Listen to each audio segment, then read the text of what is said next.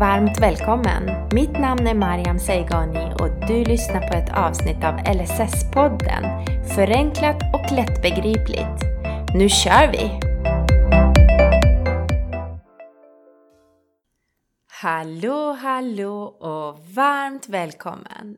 Kul att höras och kul att du hänger med fortfarande och lyssnar på dessa avsnitt.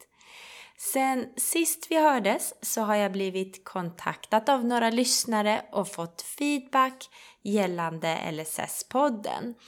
Jag har fått till mig om vad jag ska förbättra med avsnittet så att de blir bättre för dig som lyssnar. Och även feedback om vad som är bra och att jag ska fortsätta på samma sätt. En lyssnare tog sig tiden att informera mig om faktafel som jag hade pratat om i avsnitt 3, eh, avsnittet om personkretsar. Och de har jag nu korrigerat och laddat upp på nytt. Och jag blir så otroligt glad över kontakten med lyssnarna och lyssnar självklart och tar tacksamt emot feedbacken. Eh, så fortsätt med det. Och alla avsnitten finns uppe på www.evanda.se och under fliken LSS-podden. Eh, de finns även tillgängliga på Spotify, eh, så det är bara att googla fram det. Och jag ska även göra avsnitten tillgängliga på Youtube tillsammans med undertexter så att det blir ännu lättare att ta till sig informationen. Och avsnitten kommer att finnas på Evandas Youtube-kanal inom kort, hoppas jag. Och ännu en gång, tveka inte att mejla in ris och ros på info så tar jag tacksamt emot dina tankar och åsikter. De här avsnitten är ju till för dig som lyssnar och tillsammans kan vi göra dem bara bättre. Men nu så tycker jag att vi kör igång med dagens fantastiska avsnitt.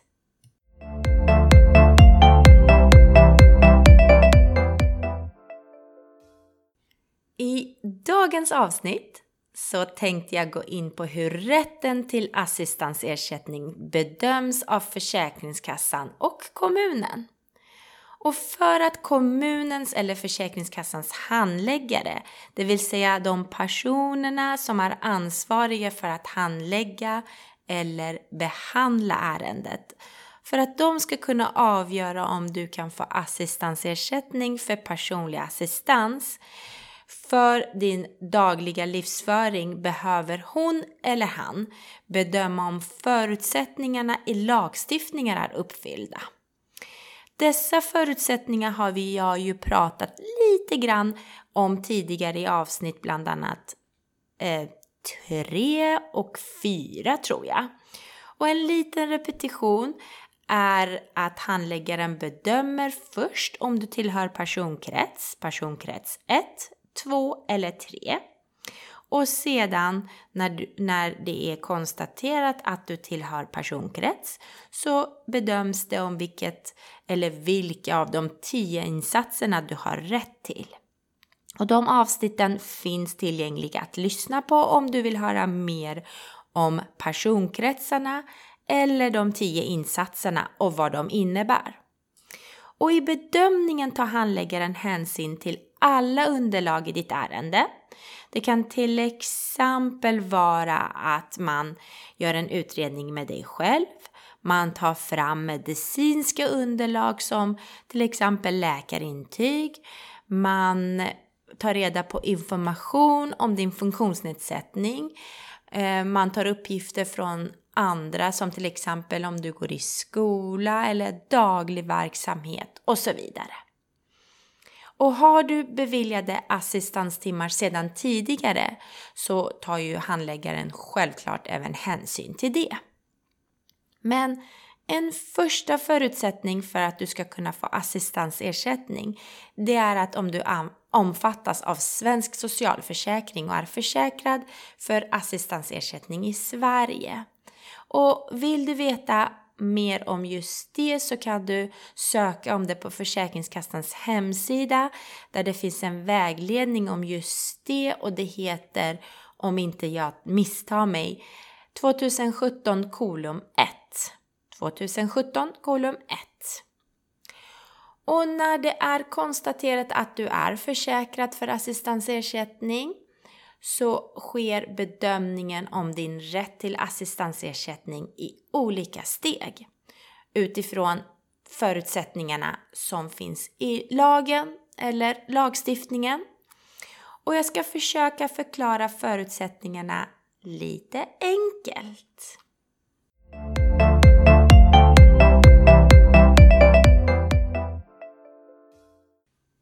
Ja, första frågan är gällande ålderskriteriet och om du är under eller över 65 år.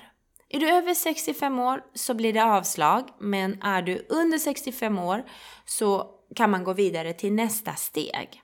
Och med det sagt så betyder det inte att du blir helt utan hjälp om du är över 65 år. Det finns andra insatser att få hjälp utav och det finns andra kriterier och eh, till exempel för att nämna det lite kort så finns det även hjälp genom socialtjänstlagen, SOL-lagen och det som, som kallas för hemtjänst till exempel. Men det är en fråga för sig så jag lämnar det där och går vidare till nästa underlag då som handlar om hur du bor. Så man kollar på det om du är under 65 år, då tittar man på hur du bor. Och bor du i en gruppbostad eller institution till exempel så får du avslag. Eh, det är alltså om du bor på ett boende där en myndighet eller kommun eller region betalar för dig. Men bor du hemma eller kanske planerar på att flytta hem från till exempel ett gruppboende så kan man gå vidare till nästa fråga. Och då är det frågan om du tillhör en personkrets. Det är personkrets 1, 2 eller 3. Och vill du höra mer om de här personkretsarna så har jag ägnat ett helt avsnitt om det så du får gärna klicka dig dit och lyssna mer. Men i alla fall, tillhör du inte en personkrets så får du avslag. Men tillhör du en personkrets så går du vidare till nästa frågeunderlag. Och nästa bedömningsfråga, det är om din hjälp eller den hjälpen du behöver tillgodoses av ett annat lagrum, nämligen HSL, som är en förkortning av hälso och sjukvårdslagen. Och för att jag lite förenklat ska förklara det hela så kan man säga att handläggaren tittar på om hela ditt hjälpbehov är beroende av sjukvården. Det vill säga om du behöver hjälp av läkare eller sjuksköterska, arbetsterapeut, fysioterapeut och så vidare. Och inte har behov av icke-legitimerad personal. Då får du avslag. Och med hälso och sjukvård menar man då HSL-åtgärder som är för att medicinskt förebygga eller utreda eller behandla sjukdomar och skador. Hälso och sjukvård kan under vissa förutsättningar delegeras till personliga assistenter. Och vad innebär det? Det innebär alltså att en person, till exempel en personlig assistent, har fått en skriftlig delegering av en legitimerad yrkesutövare att utföra arbetsuppgiften. Vissa av sådana insatser hamnar under något som heter egenvård. En insats som utförs som egenvård sker inte med hjälp av legitimerad personal, till exempel en läkare när jag ser legitimerad personal. Och det går inte att säga generellt vilka åtgärder som räknas som egenvård. Det är väldigt svårt. Det beror på omständigheterna i varje enskilt fall och en legitimerad yrkesutövare utövare ska bedöma om en hälso och sjukvårdsåtgärd kan utföras som egenvård och skriva intyg på det. Bedömningen görs ju självklart i samråd med dig utifrån din fysiska och psykiska hälsa och livssituation. Men Om ditt hjälpbehov är endast delvis eller inte alls beroende av HSL så går man vidare till nästa eh, bedömningsfråga då.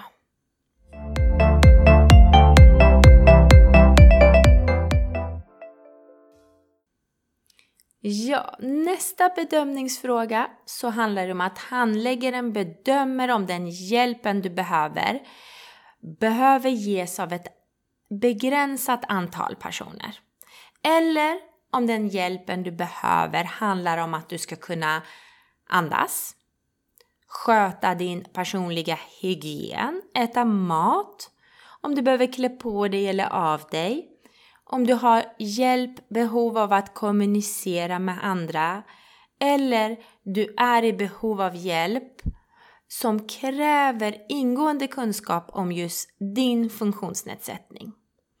Och de här sakerna jag nämnde, det kallar man för grundläggande behov.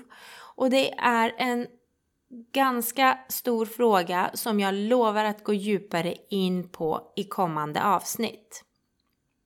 Har du inte behov av det så får du avslag. Men har du behovet av det så går man vidare i underlagen och tittar vidare då. Och här tittar handläggaren på om dina grundläggande behov som jag nämnde tidigare överstiger i snitt 20 timmar per vecka. Även just det kommer jag prata mer om i kommande avsnitt. Om endast eh, det gör det så går man vidare i frågan. Annars får man avslag av Försäkringskassan och hamnar hos sin hemkommun. Då görs bedömningen från början igen och just denna fråga bedöms inte upp till 20 timmar grundläggande behov och du kan få rätt till assistansersättning även om du har färre timmar än så. Och nu när jag nämnde det här så måste jag även få eh, göra tillägg till det jag pratade om i förra avsnitten där jag glömde att nämna att 20 timmars grundläggande behovsbedömning eller gränsen för de här 20 timmarna om grundläggande behov. Om de inte uppfylls så, så hamnar man hos sin hemkommun så att det inte blir någon missförstånd. Eh, så det handlar om 20 timmar magisk gräns Försäkringskassan eller kommunen. Det är det. Och nu när man har tittat på de grundläggande behoven och hur många timmar du behöver hjälp med så tittar man på de övriga behoven. Och har man kommit så långt så har man rätt till assistansersättning.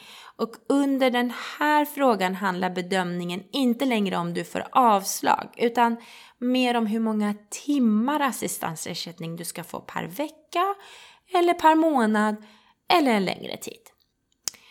Under tiden handläggaren bedömer ditt ärende så kan han eller hon begära kompletterande uppgifter från både dig och andra ställen som ja, men till exempel skolan eller läkare, daglig verksamhet och så vidare.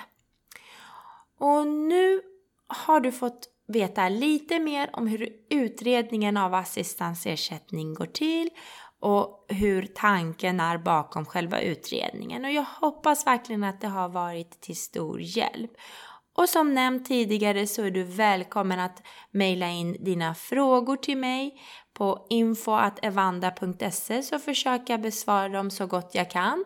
Och tack för att du lyssnade. Ta väl hand om dig och vi hörs snart igen.